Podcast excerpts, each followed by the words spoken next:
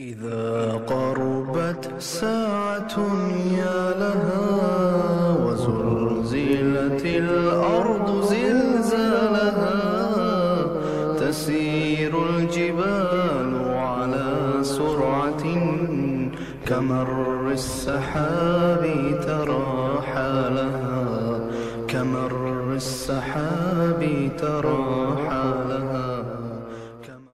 الحمد لله رب العالمين والصلاة والسلام على أشرف الأنبياء والمرسلين نبينا محمد وعلى آله وصحبه أجمعين رب اشرح لي صدري ويسر لي أمري واحلل عقدة من لساني يفقه قولي Doista svaka zahvala pripada uzvišnom Allahu Tebarek Vatala, salat, mir i selam na Allahog poslanika, Allahog minenika Muhammeda, alihi salatu selam, njegovu časnu porodcu, uzvrte ashabe i sve ljude koji slijede put istinu su njega dana.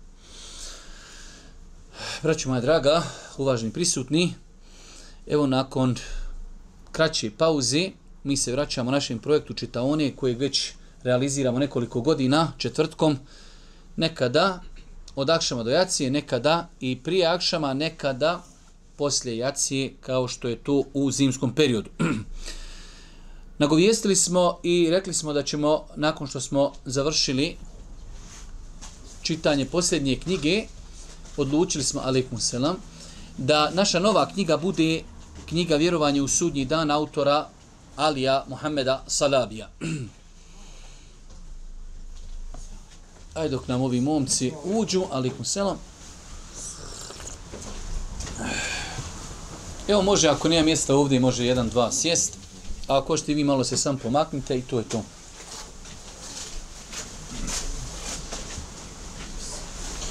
uzmi kaput, stavi sebi za slobodno. Znači, mi smo najavili, prije nego je počela pauza, da ćemo ako Bog da početi sa čitanjem ove knjige, a mi se nadamo, ako Bog da dok mi završimo sa komentarom, treba će nam sigurno, e, treba će nam desetak, možda 15 dersova da prijeđemo ovu cijelu knjigu. Umeđu međuvremenu će se ako Bog da štampati druge knjige jer je ovo serijal knjiga od ovog uvaženog autora Alija Mohameda Salabija koji je o svakom ruknu imana napisao po jednu zasebnu knjigu. I eto, hvala uzvišom Allahu subhanahu wa ta'ala, tu je jedan projekat koji se već lagano privodi kraju. Kad kažem privodi se kraju, najbitnija stvar u svemu tome jeste knjige prevesti, a one su, ilhamdulillah, knjige su prevedene. Sada se lagano rade recenzije, redakture, lekture i, e, i knjige se lagano šalju u štampariju. Tako da, ako Bog da, mi ćemo u ovom serijalu ostati sigurno pa možda i, i duži od godine dana, ali oni koji budu redovno dolazili imat će šta i čuti i naučiti, ako ako Bog da odslušamo stotinjak neki ili manje ili više, 50 predavanja koja govori o vjerovanju, vjerovanje u sudnji dan, vjerovanju u Allaha, u meleke, u poslanike, u kader, mislim da će to zaista biti jedna velika cijelina zaokružena kada je u pitanju islamsko vjerovanje i atida. E, prije sam govorio o ovome autoru, svakako vrijednost određene knjige se gleda kroz tri momenta. Gleda se ko je njen autor, o čemu knjiga govori i ako je knjiga prevođena, gleda se ko je tim ljudi koji su radili na izdavanju knjigi. Kada je u pitanju ovaj autor Ali Muhammed Salabi, to je jedan savremeni ših koji još živ, Napisao je mnogo knjiga, najviše knjiga je pisao o historiji. Znate da su njegove knjige prevođene e, Sira Božih poslanika u dva toma, biografija Ebu Bekra, Omera, Osman, Alije, Moavije, e, Osmanski hilafet ili carstvo i mnoge druge knjige koje su mnoge od njih prevođene na bosanski jezik. Knjige koje je također napisao jeste šest knjiga o temeljima imana, znači o svakom temelju je napisao zasebnu knjigu. Tako da, autor je definitivno poznat našim podneblju. Kada je u pitanju tematika, dovoljno je kazati da govorimo o jednom od šest temelja imana. Zato na hadis od Džibrila, alaih salatu kada je došao Božijem poslaniku pa ga je pitao Boži poslanić obavijesti me šta je to islam. Pa je Boži poslanik rekao da posvjećiš da nima drugog Boga osim Allaha, namaz, poz, zekat i hač. To je islam, to je vanština da bi za nekog kazali da je musliman, pet stvari. Šta je to iman?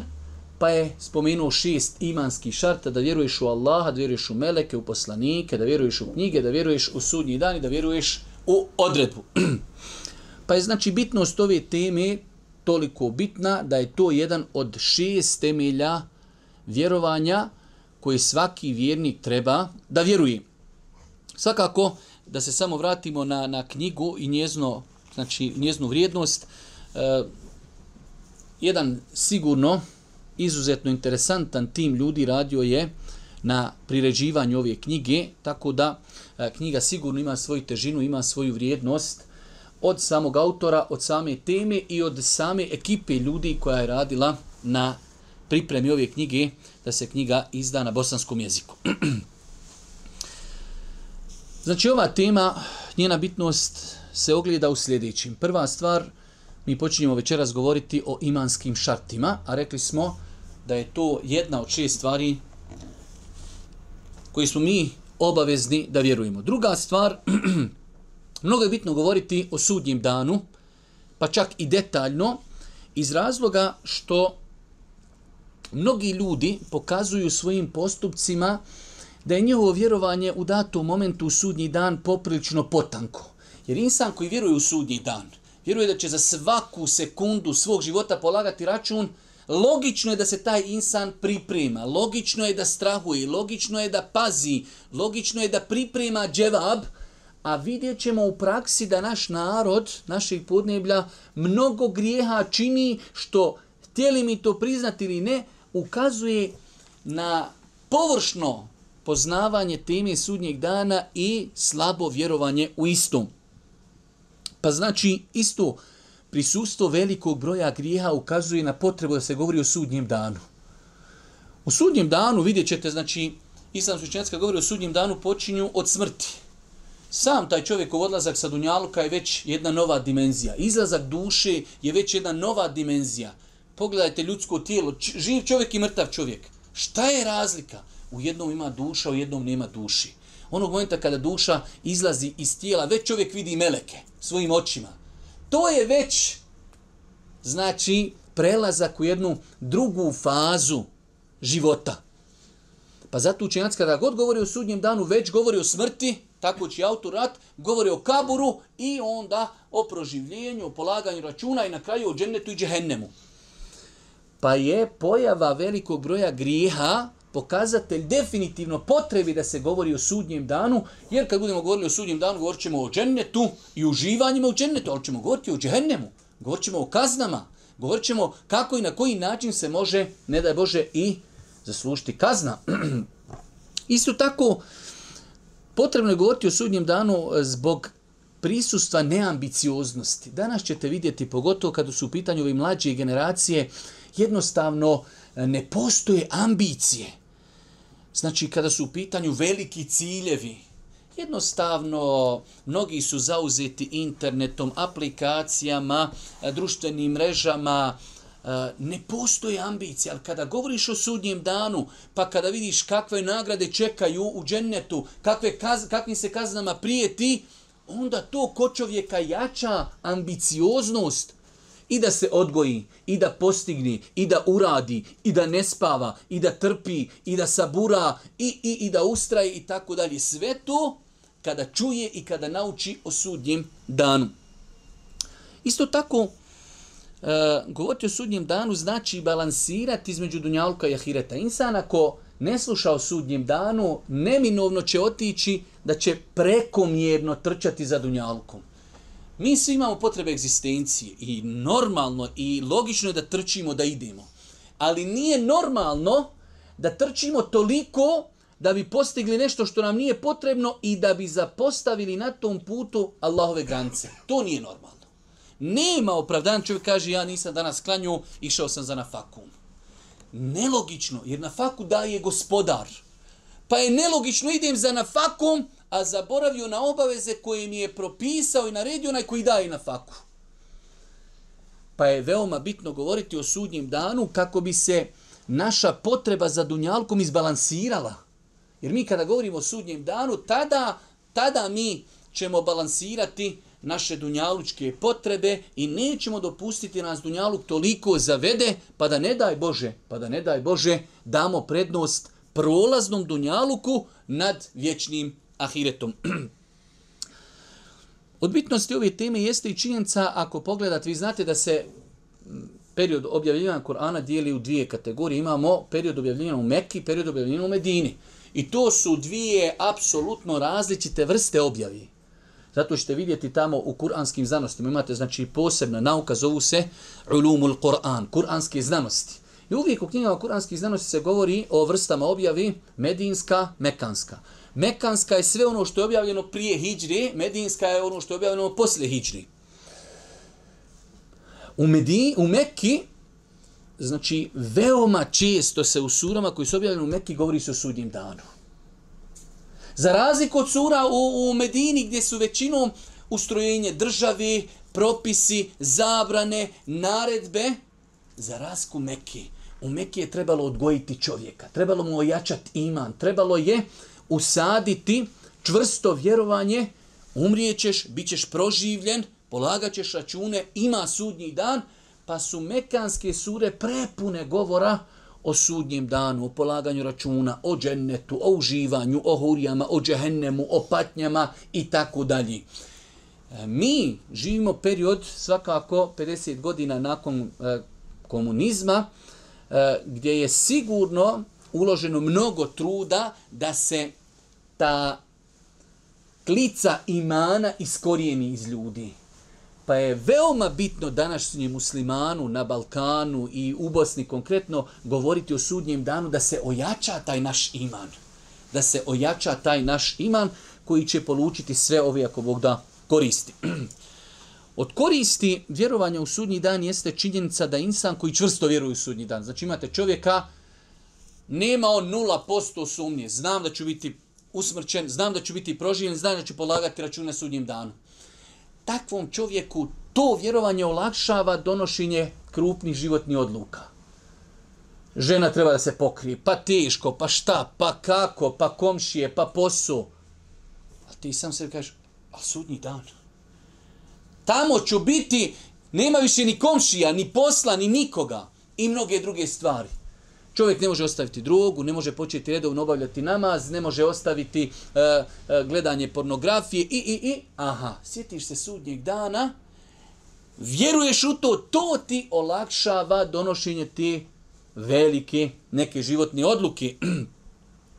Isto tako, e, od plodova vjerovanja u sudnji dan jeste činjenica da se čovjek, malo prije smo to spomenuli, ali ne dopušta zbog vjerovanja u sudnji dan da se toliko vezuje za dunjaluk, da da sebi toliko luksuza da prodaje vječni ahiret.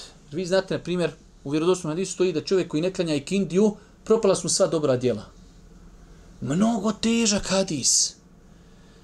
Vjernik sebi to neće dozvoliti. Radim, trčim, idem, stičem na faku. Ali isto tako, ne želim ja da eh, ahiret koji je vječan prodam za prolazni dunjaluk. Isto tako, potpuno ispravno vjerovanje u sudnji dan jednu kategoriju ljudi koja je izuzetno zapostavljena, on njih čini sretnim, zadovoljnim, optimističnim. Ko su ti ljudi? Ljudi kojima je zulum učinjen. Imate sada na planeti puno ljudi kojima se čini zulum. Jel, brate, sjediš ti na zemlji ili... Jel dotle došla ova sećija? Na čemu sjediš? Hajde, dobro, dobro. Dobro, ako može, evo ovi će se, vjeruj nekako, tek sam sad skonto, pušiti, gdje ti ovdje sjedi na spužu, molim te.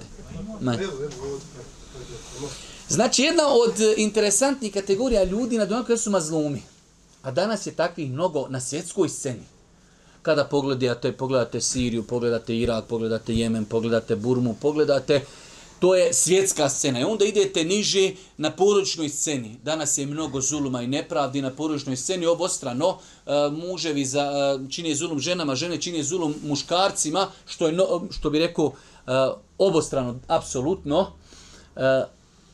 Pa je vjerovanje u sudnji dan čovjeku daje kao jedan vid satisfakcije, da se strpi, da ustraji. Doći će dan kada će i on to sve što je trpio i saburo svu tu nepravdu će ako Bog da i naplatiti.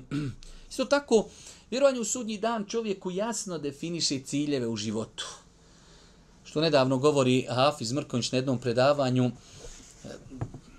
šta su naši ciljevi, imamo li ikakve, imamo li kratkoročne, dugoročne ciljeve. Čovjek počeo klanjati i nazovete nakon deset godina, kaže ja še i dalje klanjam svaki nama samo sa kolhu valla.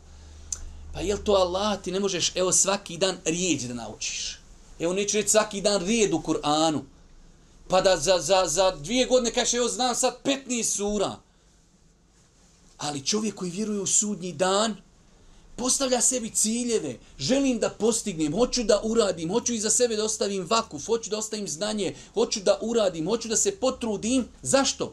Jer vjerujem u sudnji dan, vjerujem da će doći dan kada ću polagati račune gdje ću pokupiti, požeti plodove svega onoga što sam radio na Dunjaluku. Isto tako, vjerovanje u sudnji dan budi ljude iz gafleta. Budi ljude nemarne. Ljudi koji se odali grijesima, jednostavno, kada spominješ sudnji dan, pa ajete, pa hadise, pa prizore, ono, ako ima imalo imana i života u tom srcu, ostavlja to traga na insana.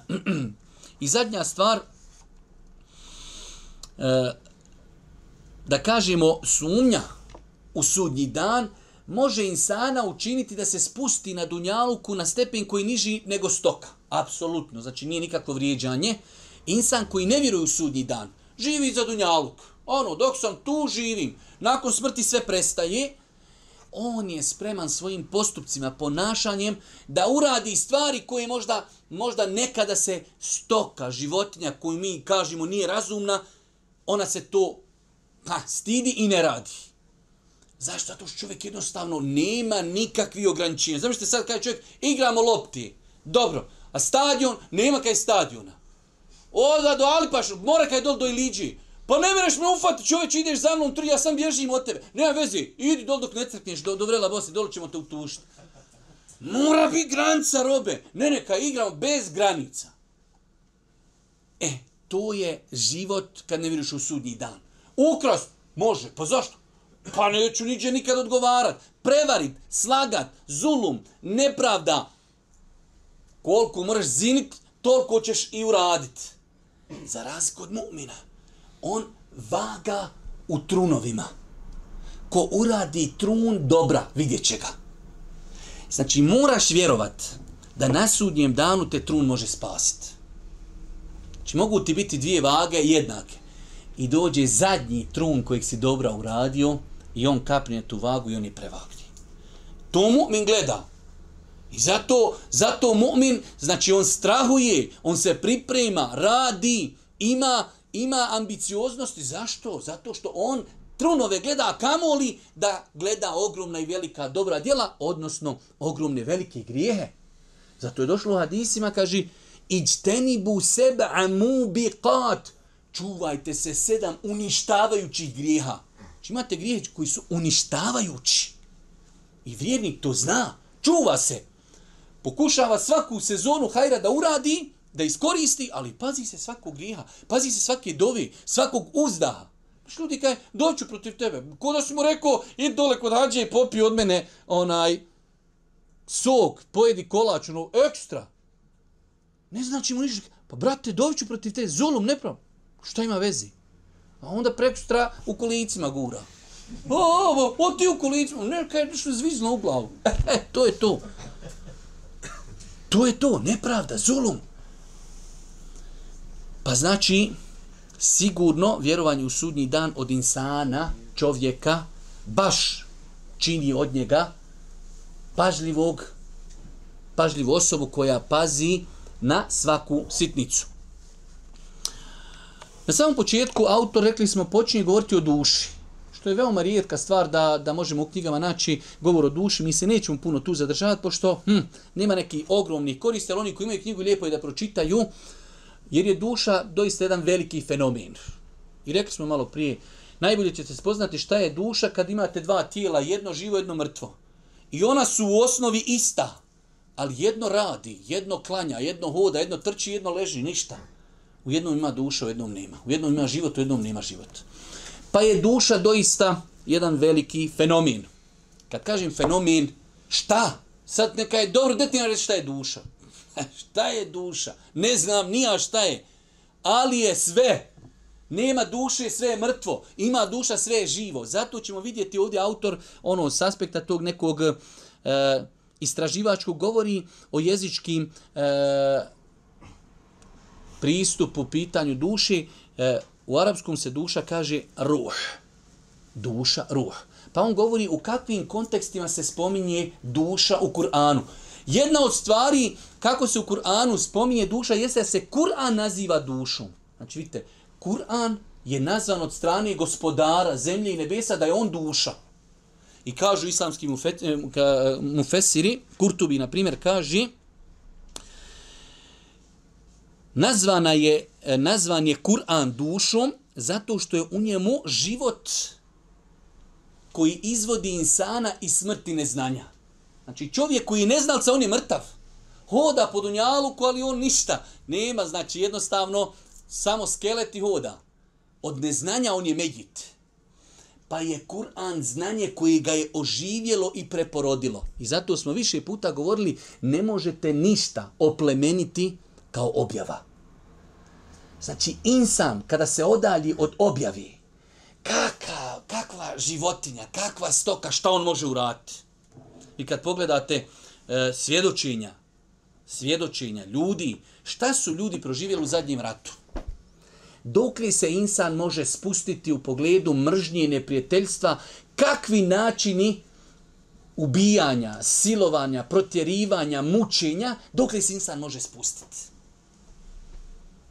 Kada je daleko od objavi, a kada je blizu objavi, kada ga taj ruh, kada ga duša, kada ga Kur'an oplemeni, kakav insan postaje.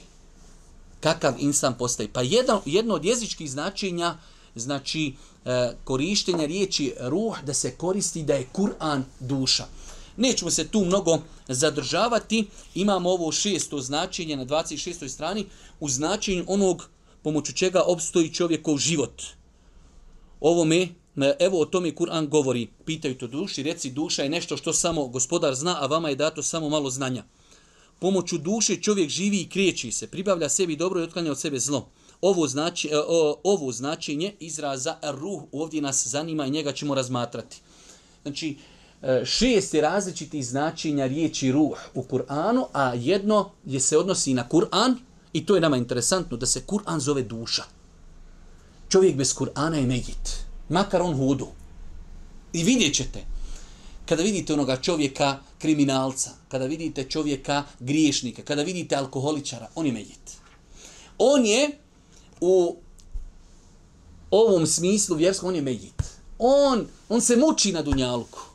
Za razliku od čovjeka vjernika koji se oplemeni u Kuranu, on uživa.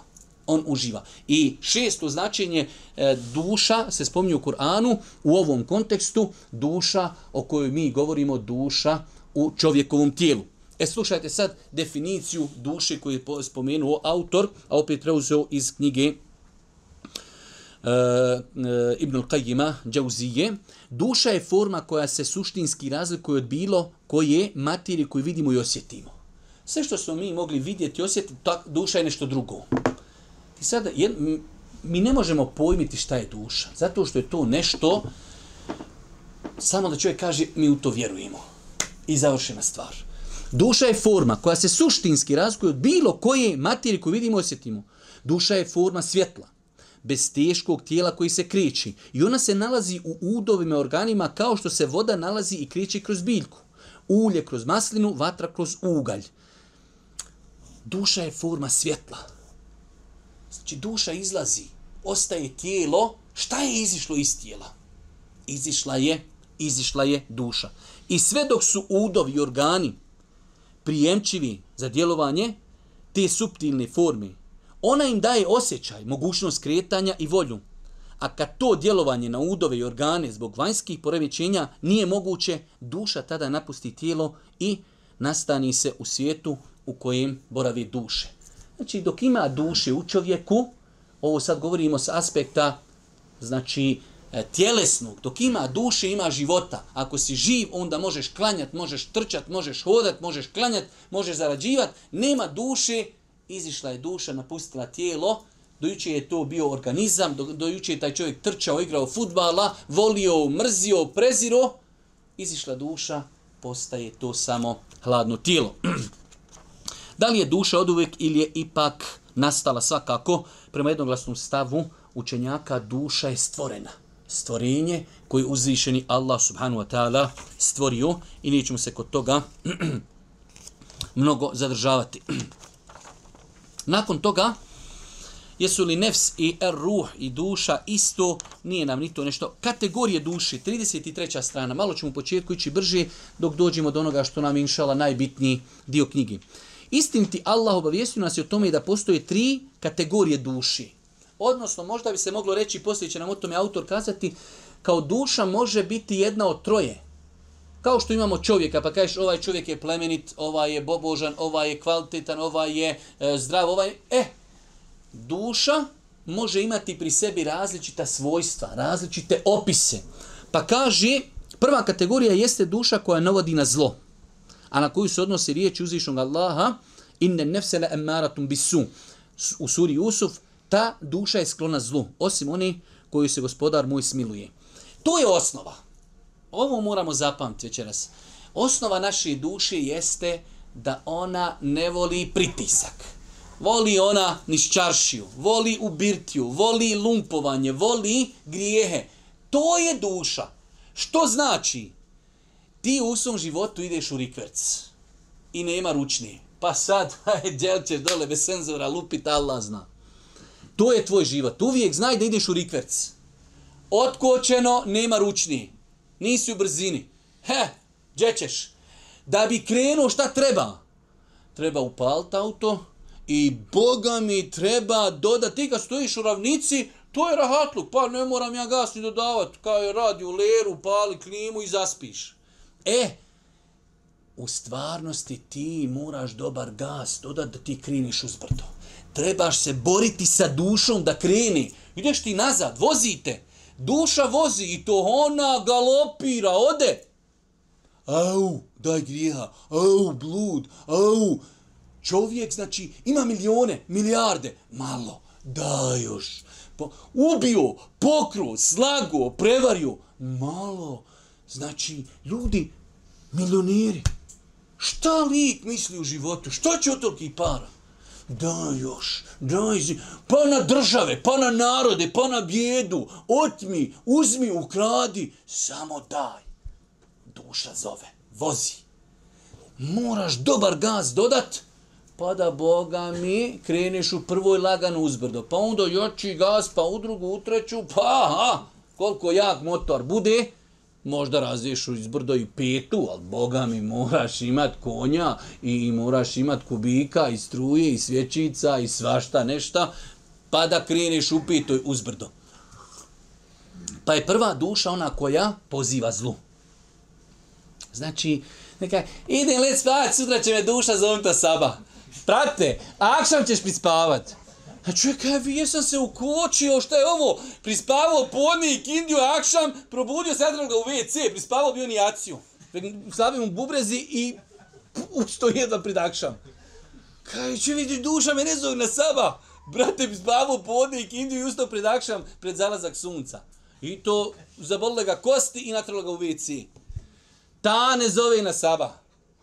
Ti nju, na saba kaj je hladno je, na saba zima je, na saba pa ima još vremena, na saba pa nije ni hođe došao, pa na saba pa ne ide ni ovaj, pa na saba.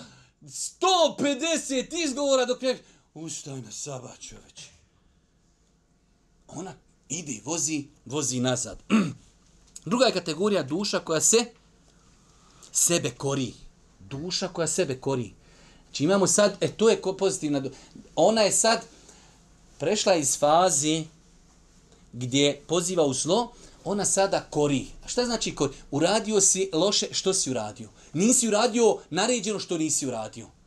To je već faza i to je već uspjeh da dođeš na nivo da tebe tvoja duša, koja si odgojio, to ide godine, to nije preko noći, to je sazrijevanje, to je proces to su ibadeti, to je iskrenost, to je Kur'an, to, je, to su ibadeti, to je godine odgoja da dođe duša da kaže što si to, uradiš grijeh, ideš kući, teško ti. Ili nisi uradio nešto što je naređeno, teško ti. Duša kori. E, la uqsimu bi jevmi l'qiyame, wa la uqsimu bin nefsi lawame. I kunem se dušom koja kori. Znači duša koja sebe kori, da li je uradila neki hajr ili uradila ne daj Bože, gri.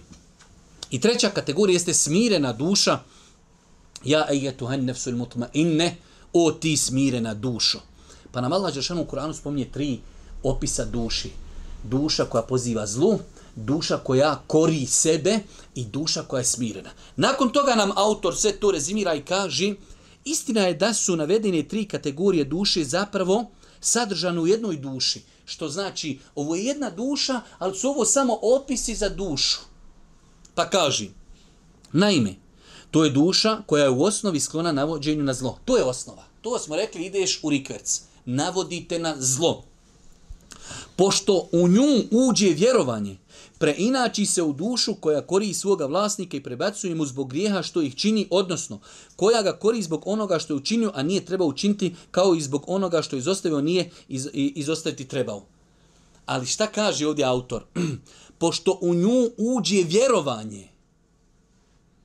Imali smo čovjeka koji je bio kriminalac, laže, petlja, vjera, odgoj, Kur'an, sunnet, odgoj i onda dolazi on u ovu fazu da ga duša kori. Što si to uradio? Ne osjetiš se dobro. I onda kaže treća, onda kad u toj duši ojača vjerovanje, ona postane smirena duša. To je taj neki vrhunac piramide, jačaj, jačaj, odgaje svoju dušu da dođeš u fazu smirene duši. Može li duša umrijeti? Svakako, budući da je duša nesumljivo nastala, ona mora jednom i umrijeti.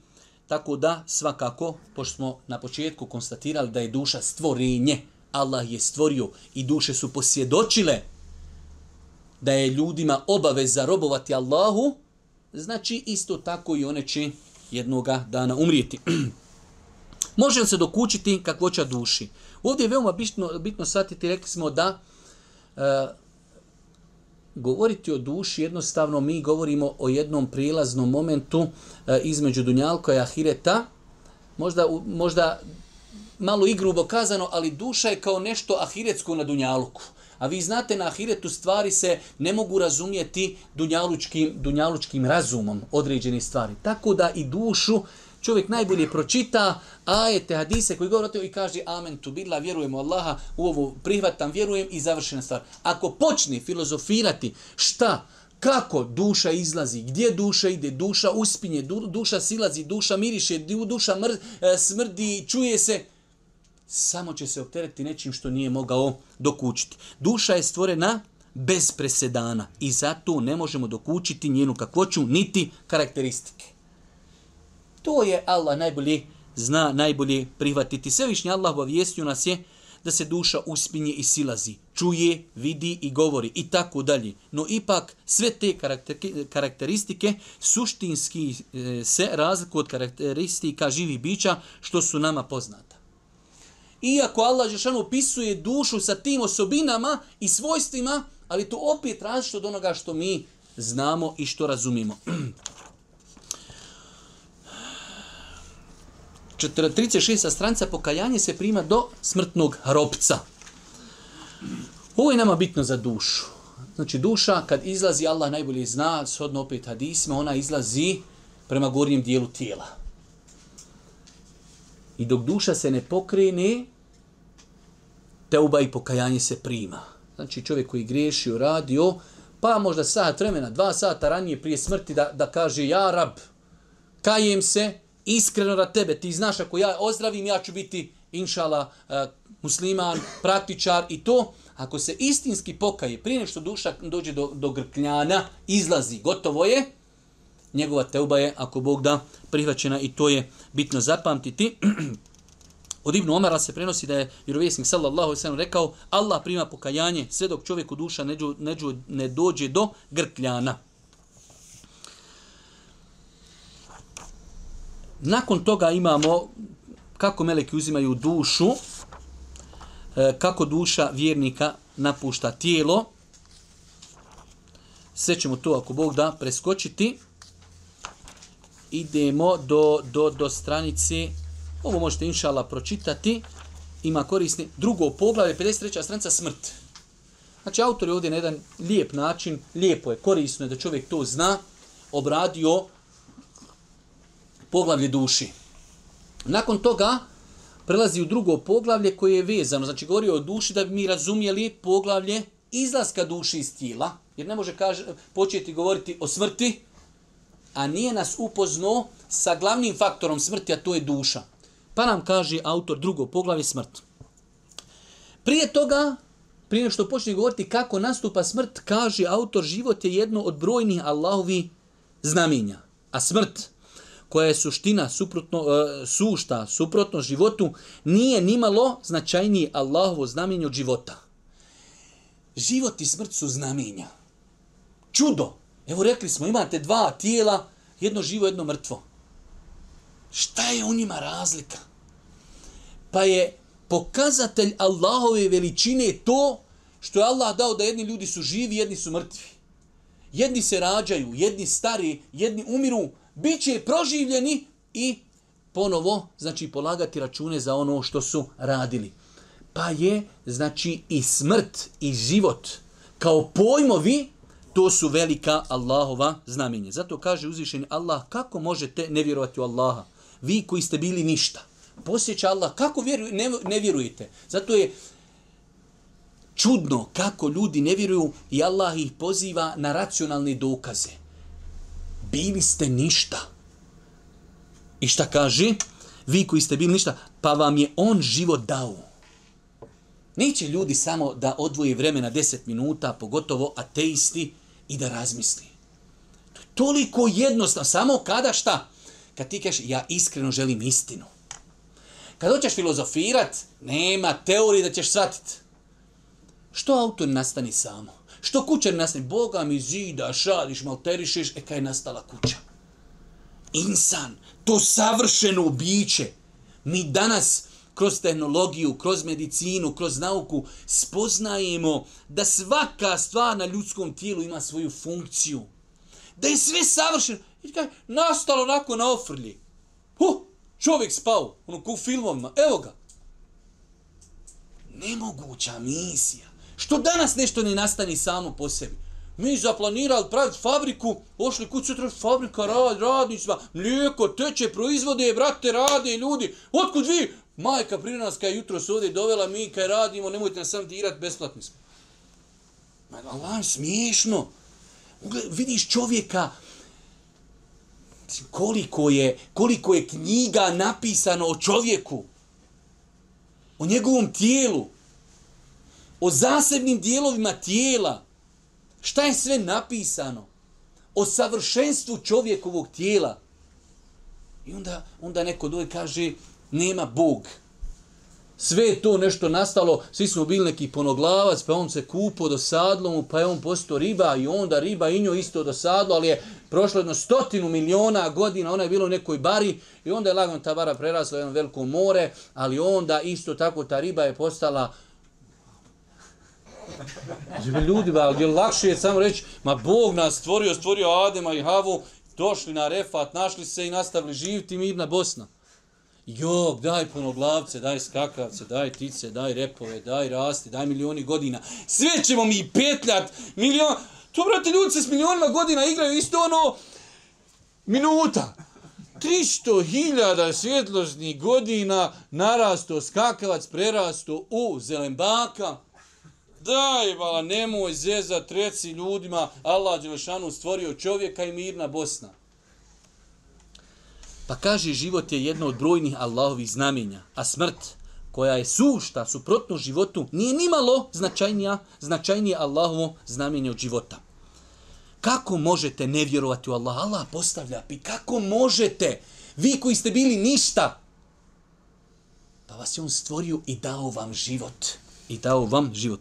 On će zatim učiniti da pomrijete i poslije će vas opet oživjeti. To je pokazatelj Allahove veličine. On te je dao prvi put i on će te usmrtiti i on će te ponovo, on će te ponovo e, proživjeti. Razmišljanjem o smrti uveliko se popravlja i čisti duša. Kada čovjek razmišlja, ali između sebe i gospodara ostavi vrijeme da razmišlja o smrti. Time odgaja svoju dušu. Ode šta sam pripremio, šta me čeka i tako dalje.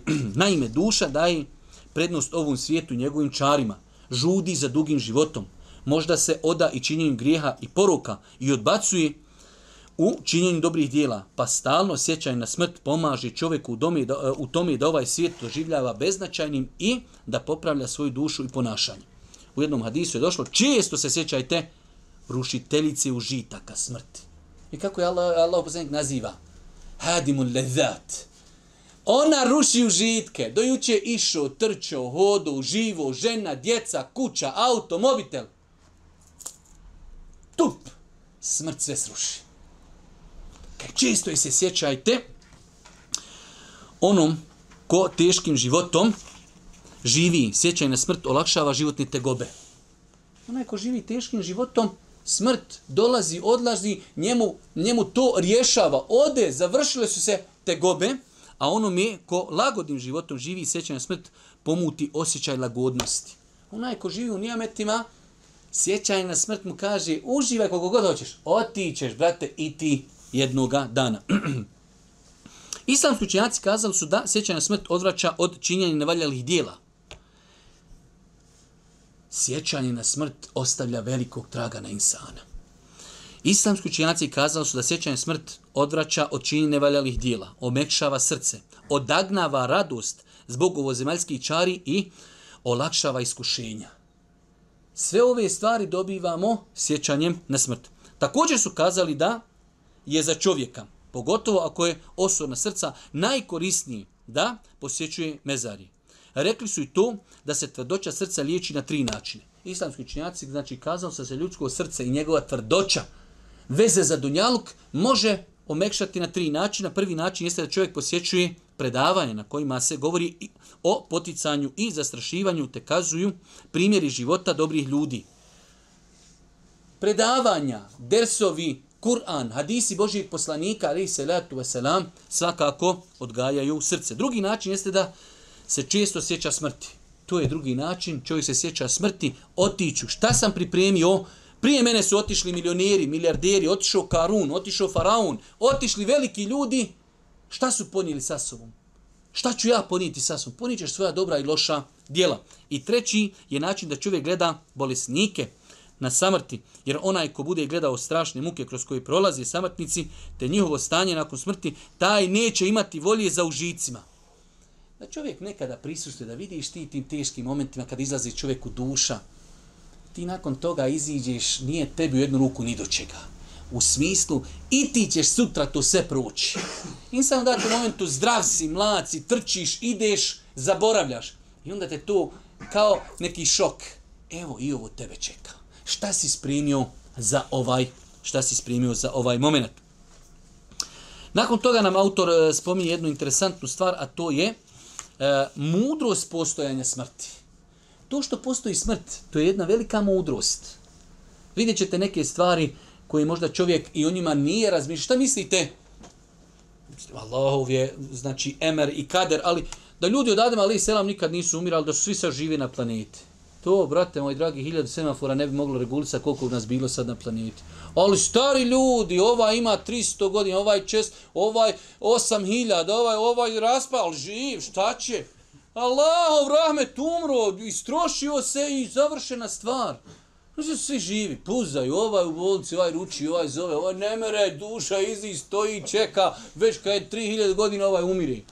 Ja, rab, svi bi plakali za njim. Umro, riješio se, alhamdulillah, rabbil zatrpaj ga i to je to. Ali samo to mi nekad ne razmišlja. Pa je, e, smrt ima svoje mudrosti i ima, znači, e, sigurno mnogo toga što se krije e, u mudrosti od smrti. Pa kaže, posredstvom smrti dolazi do izražaja Allahova svemoć i sve mudrost u upravljanju etapama kroz koje prolazi, prolazi stvorenja. Uzvišeni Allah sve stvorio čovjeka i to su sve etape koje Allah Đeršanu dao i zadnja, finalna smrt i u tome se ogleda opet veličina uzvišenog Allaha subhanahu wa ta'ala. Sve su to suprotnosti koje ukazuju na čudo Allahovi svemoći i sve mudrosti. Svevišnji Allah objavljuje zašto je onda kad niste u tuđoj vlasti ne vratite ako istinu govorite. Govori o čovjeku koji umire. Pa kaže, vi pristujete kod njega. Eto, hajde, da ti dokaže koliko si slabašan. Kad se insan uzoholi, imam biznis, imam firme, zdrav sam, digao sam toliko tegova, toliko trčimo, borio sam rekord, kupio sam, ponesete. I onda vidiš, evo čovjek umiri. Pored tebe, hajde pomozimo. Rođeni ti babo, rođena ti majka, rođeno dijete, supruga, muž. Nemaš ništa. Šta shvatiš? Shvatiš svoju slabost. Satiš veličinu uzvišenog Allaha subhanahu wa ta'ala. Svevišnji Allah smrt i život stvorio je zato da bi ljude stavio na ispit hoće li mu biti poslušni ili neposlušni. I to zbog toga je stvoren i život i smrt. Evo vam život, živite ga, da vidimo kako ćete živjeti. Imate na kraju toga smrt nakon koje ćete polagati račune za ono šta ste radili. Smrt sadrži veličanstvene i blagodati koje ljudi jedino posljedstvo nije mogu postići. Da nije smrti, ljudi bi na zemlji e, ljudima bi na zemlji bio zagorčan život. Ne bi bilo dovoljno hrane niti mjesta za življenje. To je ono što smo malo prije spomenuli. Posredstvo smrti, posredstvo smrti vjernik se oslobađa, oslobađa ovo svjetskih tegoba, neprijatnosti, bolova, tjelesnih, duševnih, te odlazi u džennet, kuću. Znate, ljudi bolesni, što ti mi čovjek kaže, vidi, brate, ti si bolestan, nije zato je lijek, ali tako ćeš još sad živjeti do sudnjeg dana. 800, 1000, 3000 godina, pa mučiš se tako i to je to. Pa je mudrost i milost i rahmet. Teške riječi čovjek nekad rekne, ali vjerujte kada vidite određene bolesnike, kažeš ja rab, nek, nek što prije umri, samo nek se riješi ti gobi i, i čovjek tu nekad kaže za najbliže članove svoje porodci. Kad ti vidiš koji su to bolovi, koji su to muke, koji su to stuge, nema tu znači 0,001% više uživanja, nema tu više života, to je oko jedne osobi Cijela familija je pod najznacima na bihuzuru, dolazi, obilazi, ne možeš mu pomoći, ne možeš ništa. Ma Allah mi, rahmet je. Allahov da insan ispusti svoju dušu. I na kraju kaže, duša uslijed smrti dolazi do sigurnog saznanja i spoznaje da ju je s ciljem i svrhom stvori uzvišenja Allah. Kad smrt nastupi, udaš meleke, e sad, rabir vrati me, sad ja vjenu, ja vidio meleke. To je to, spoznaje. E, Što nisi prija? pa i to korist smrti. Svakako, ovdje nam autor navodi jedno e, lijepo poglavlje, to je da je smrt najteži trenutak u čovjeku, e, čovjekom životu. Jednostavno, tu se završavaju naša dobra djela, završava se naš život, završavaju se na kraju krajeva i grijesi i čovjek umire, ostaje samo još proživljenje i polaganje računa. Na smrti čovjek vidi meleke, Allahovi zaslanike i čuje od njih presudnu riječ, e, presudnu e, Allahovu riječ u vezi sa svojom, svojom sudbinom, to jest sazna hoće li otad biti vječni sretnik ili pak vječni nesretnik.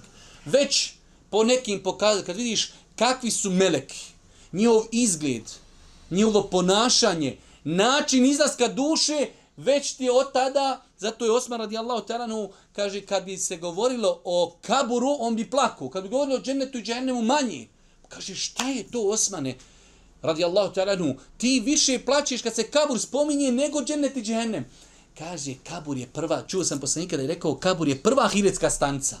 Od tuda ti već znaš ako se kabur proširi, ako meleki budu veseli, to su već, elhamdul, to je već pokazatelj uspio sam. Ako ti se stisne kabur da rebra prolaze jedno kroz drugo, ako vidiš džehennem, ako ne znaš odgovoriti melekima koji postavljaju pitanja, to su već simptomi da ćeš ti i dalje, ne daj Bože, nastradati. Smrt je trenutak u kojem će se žestoko kajati i veliku muku i strah osjeti onaj koji je negirao budući svijet. Ljudi danas, ateista, ne vjerujem, nema, ko je se vratio od tuda naš Bošnjo kaže, tada će ljudi, kad dođe smrt, kad vidiš kabur, kad vidiš meleke, tada će se ljudi kajati, ali je tada kasno.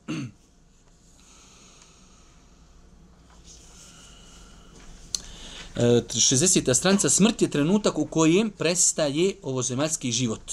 Makar i dok bio. Ne može u naše vrijeme trajati više od 150 godinja e, i počinje zagrobni život koji traje hiljade godina. Bez obzira koliko dugo živio. 70, evo 80, 90, neko živi i 100 godina. I šta opet? Smrt. Pa je to taj neminovni moment kojeg je zadesio Mohamed Ali i salatu wasalam i zadesit će sve ljude. E, hajde, inšala, preletjet ćemo, iako je ovo mnogo vinto interesantno poglavlje, ali samo ćemo još to uzeti. Nakon što nam govori autor o, smrti, da je to e, neizbježan moment, da je to najbitniji moment, pazite, može se desiti, ne daj Bože, da Allah nekog ponizi na način, čitav život je, hajde da kajemo čitav život. Čovjek je bio možda i pokoran. I možda, ne daj Bože, imate takvi slučajeva da li zbog bolesti u srci, da li zbog nifaka, da li zbog licemjerstva, čovjek u zadnjim momentima svog života okreni ploču. Mislite, čovjek možda 20, 30, 50 godina bio je neki način života. I u tim teškim momentima smrti, šta mislite, ne daj Bože da se čovjek tada odmetne od vjeri, počne psovat Boga, po, počne, počne vrijeđati gospodara na neki način kako to gospodaru ne doliči, što se zna desiti i da insanu bude njegovo zadnje dijelo dunjalučko vrijeđanje i psovanje Boga. Pa je to bitan, teško je to. Smrtne muke, e, nešto veoma teško, o čemu će autor poslije i, i govoriti. Tako da, veoma bitna stvar. Kaže, dijela koje imaju za rezultat lijepu smrt. E, sada imamo dijela koja, nadamo se da insan ako ta dijela radi i ustrajava u tim dijelima, Mogao bi, nije, ne možeš sad 100%, sto posto, ali mogao bi sebi obezbijeti lijepu smrt. A nama je bitno da obezbijedimo lijepu smrt. I rekli smo, lijepa smrt, lijep kabur, lijepo proživljenje, lijepo polaganje računa. Pa je bitno da čovjek pazi. Jer isto po, čovjek preselio na seđdi. Ili preselio u danu kojem je postio. Ili preselio na hađu. Ili, ili u ibadetu.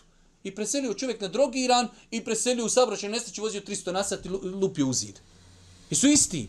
Nisu isti. Pa je bitno. Ili čovjek preselio, a prije toga tri godine nikad nije pao na seždu. Na Bajram nije ušao u džamiju.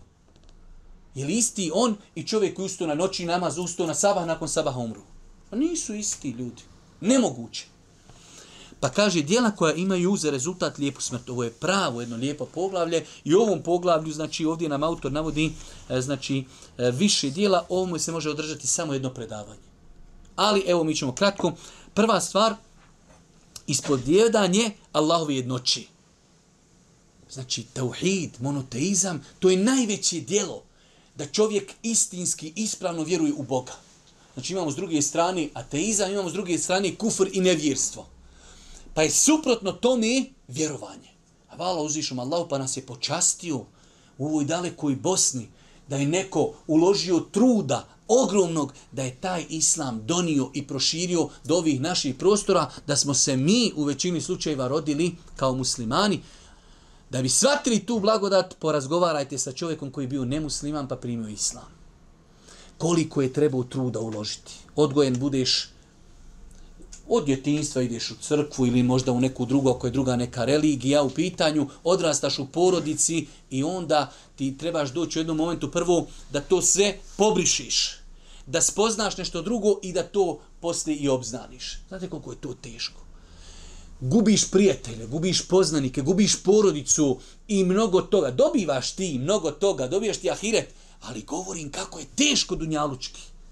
Pa taj monoteizam, taj teuhi, ta, ta naša urođena vjera s kojom smo se mi rodili, to je najveće blago koje mi posjedimo. posjedimo. Zato je došlo, Allah, ovdje evo imamo na kraju e, citata, Allah neće dozvoliti da u džehennem uđe onaj koji je želijeći Allahu rice rekao nema Boga osim Allaha. Neće Allah dozvoliti da insan uđe u vatru, da završi u vatru, da bude znači gori u vatri. Insan koji je iskreno, govorio la ilaha illallah, su se kao musliman, živio po tome, to je najveći, najveće djelo koje čovjek može uraditi, koji ga čuva od loše smrti. Drugo, drugo djelo jeste ustrajnost u vjeri. Nakon što čovjek kaže la ilaha illallah, spozna, nauči, šta ostaje? Raditi, praktikovati, ustrajavati, jer samo la ilaha illallah i sjedi. Ne, šta znači la ilaha illallah? Ustrajati na tomi. Čuo si propis zabranjeno, ostavljam. Čuo sam propis naređeno, radim. Pa ustrajati na putu istini. Sintagma ustrajnost u vjeri ima veoma e, široko značenje i proteže se na cjelokupnu vjeru. Tako nam kaže autor. Ustrajati na vjeri Znači, privatiti vjeru. Odholu fi silmi kafe. Uđite u islam potpuno. Nemoj da pa ovo je za Bosnu, ovo nije, ovo je bosanski islam, ovo je turski, ovo je za Arape, ovo je za 21. vijek, ovo nije i tako dalje. To je filozofiranje, to je ismijavanje, to je e, filtriranje.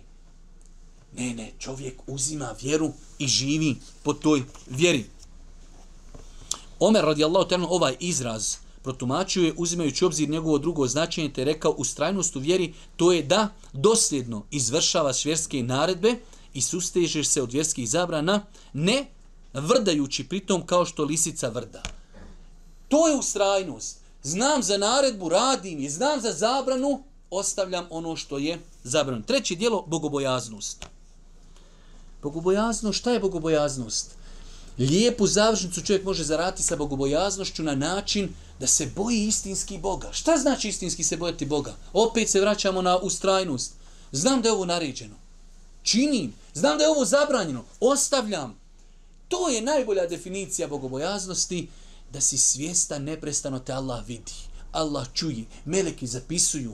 Pokušaj, kao što kažu e, Arapi, da između sebe i onom, onom kaznom kojom prijeti uzvišen Allah napraviš prijegradu. Šta je prijegrada?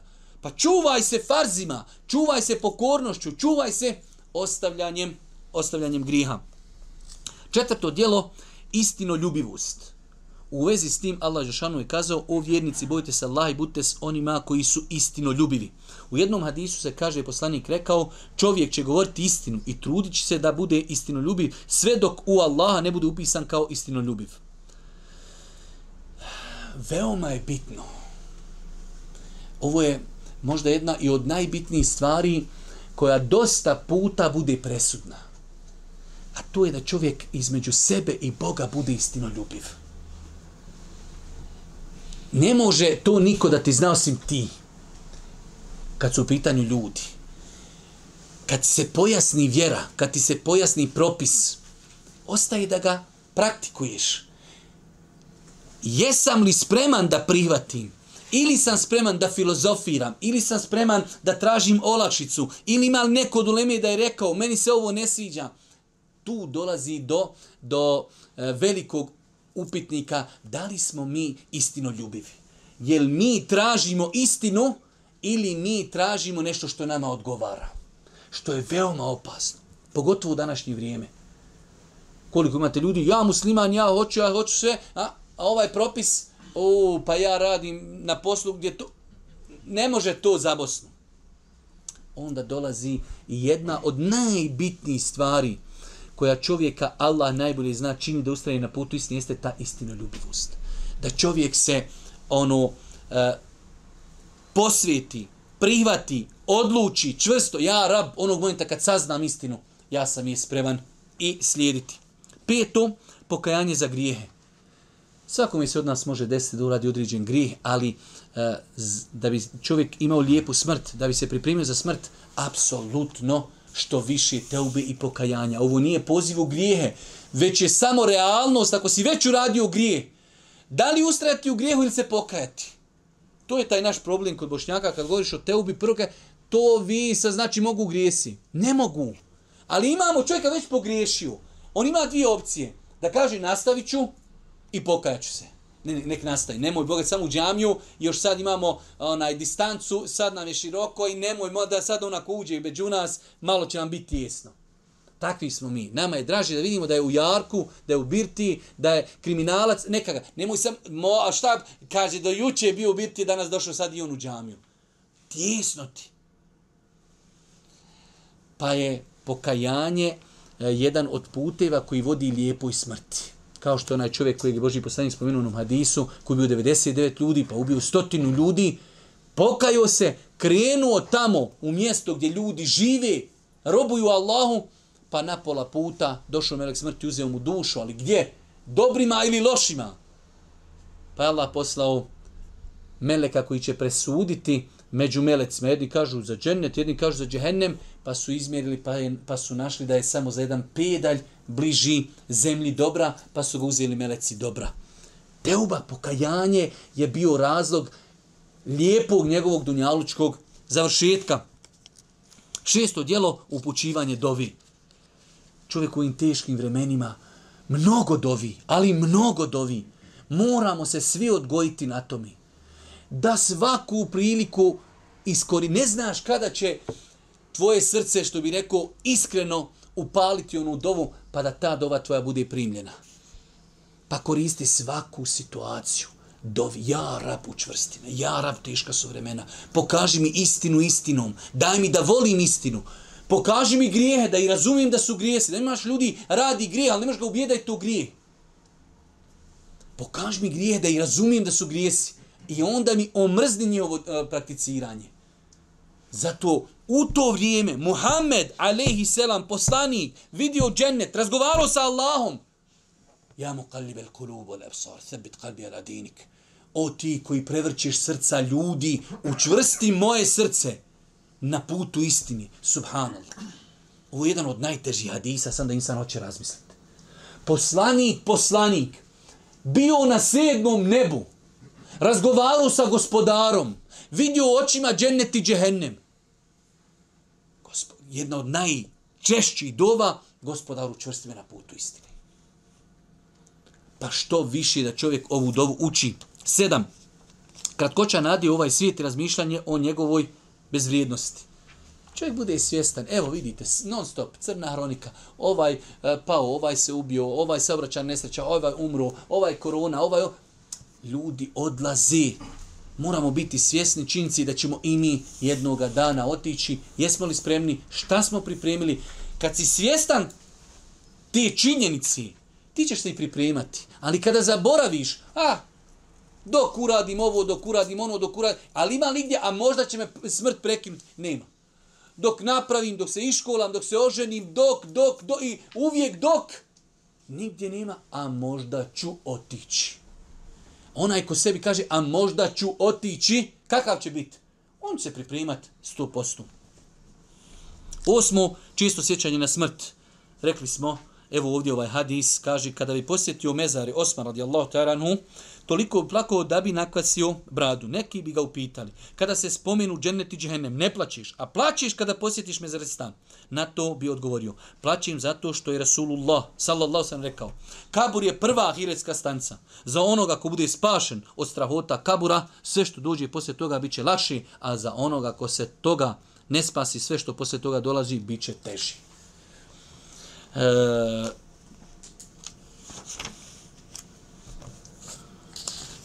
li ovo bilo 10, smo se šta preskočili. osam, imamo neđe devetku. Samo ja negdje ne vidim. Na početku, aha, devetu, Golema nada u Allahu milost i pozitivno mišljenje o gospodaru. Optimizam. U redu, bojimo se Allaha, bojimo se njegove kazne, ali isto tako 99 milosti uzvišen Allah subhanahu wa ta'ala je ostavio za ahiret. Pa se nadamo, e, trpili smo, trudili smo se, pokušavali smo, gombali se sa šetanom, gombali se sa dušom, gombali se sa neprijateljima u ljudskom, u šetanskom obliku, nema šta nismo. Ja, rab, očekujemo tvoju milost, očekujemo, očekujemo tvoj oprost. E, deseto dijelo udaljenost od svega onoga što ima za posljedicu ružnu smrt. E, kao što se trudimo da uradimo sve što će učiniti i uzrokovati lijepu smrt, ostaviti sve što može biti razlogom loše smrti. Pa navodi ovdje autor i kaže mm, to su nedjela i poroci. E, gajenje pogre, gajenje povredni uvred, e, uvedenih vjerskih uvjerenja, licemjerstvo, odlaganje pokajanja, gajenje laži na, lažni nade i ljubav prema ovom svijetu. Vezanje za nekog drugog, a ne za uzvišnog Allah subhanahu e, samoubistvo, gubljenje nade u Allahu milost i tako dalje. To su sve neke stvari koji mogu čovjeka, ne daj Bože, e, da budu u razumu, da završi svoj dunjaluk, e, svoj dunjaluk na jedan loš način. Pa pokušajte ovdje, kaže, vezivanje srca za nekoga ne za uzvišnog Allaha. Samoubistvo. I mnogo drugih stvari. I za kraj, kaže pokazatelj lijepe smrti. Time ćemo ako Bog da i završiti ovo naše predavanje. U poslanikovim hadisma navedeni su brojni pokazatelji lijepe smrti, a neki od njih jesu sljedeći. Či znači, došlo je u vjerodostojnim hadisma da Allah poslanik izrekao mnoge stvari koji ukazuju, ali vidite, Dosta puta se nama dešava da vjeru pogrešno razumijemo ili nam paše da je pogrešno razumijemo. Nekada kada govorite o nekom ibadetu, šta ja znam, korektni taj, taj zikr, bit ćemo oprošteni grijesi. Korektni taj, taj zikr ući će u džennet. Ljudi eh, tamam, taj zikr reknem i sjedi, uživaj, čosaj podrazumijeva se nešto da si vjernik, da obavljaš namaz, da postiš, da daješ e, da ideš hađ, ali u svemu tome nadamo se za to djelo ako Bog da će biti razlogom da uđeš u džennet. Tako i ovi pokazatelji ne mora značiti da ako neko ima ovaj jedan od pokazatelja, evo ga, džennetlija, šehid i tako dalje. Obrnuto tome. I opasno je nekada da čovjek ako ima neki od pokazatelja loših znakova smrti, E, da kažeš, oh, ovaj čovjek je bio loš, eto šta ja znam, e, umro i na takav način. Ovo su samo neki išareti, ali ne možeš prerezat i da kažeš, eh, ovaj čovjek je kod Allaha na posebnoj deređi, ovaj čovjek je e, loš, umro je tako i znači veoma je bitno da ispravno shvatimo te stvari. Kaže, izgovaranje šehadeta neposredno prije smrti da je zadnje riječi e, na dunjavku budu la ilaha illallah. To je jedan od pokazatelja. Jedan od pokazatelja da je čovjek umro lijepom smrću. Smrt sa znojnim čelom. Došlo u hadisma Allahog poslanika, ali se ratu selam, mi za ove stvari neki ne bi znali, osim da nas je Boži poslanik o tome obavijestio. Smrt tokom petka. Pogibja u borbi na Allahom putu. Da čovjek pogine, borio se na Allahom putu. Može se desiti kao što je došlo u vjerodostojnim hadisima, da ima ljudi e, koji su se borili da ih drugi ljudi vide i sa njima će biti potpaljeni prvi bačeni u džehennem. Ali naše je da o ljudima imamo lijepo mišljenje. Čovjek bio u borbi, borio se za Allahovu riječ, branio porodcu, branio svoju vjeru i poginuo. Mi se nadamo da je to lijep pokazatelj, lijep pokazatelj i lijepa smrt. smrt uslijed kugi. Rekli smo da imaju hadisi gdje Allah poslanik ali se letu selam kada je upitan eh, o šehidima njegovog ummeta, pa su asabi rekli šehidi onaj ko pogine, pa kaže tada bi šehidi mog ummeta bili malobrojni, pa je spomenuo Boži poslanik još kategorija ljudi koji će imati nagradu šehida na sudnjem danu, pa znači smrt uslijed kuge, smrt uslijed stomačne bolesti, smrt uslijed utapanja, smrt ispod ruševina, pogibja us, uslijed odbrane i metka, vjere i života. Smrt žene uslijed porođaja, smrt prilikom čuvanja straži na Allahovom putu, smrt prilikom činjenja dobrih dijela.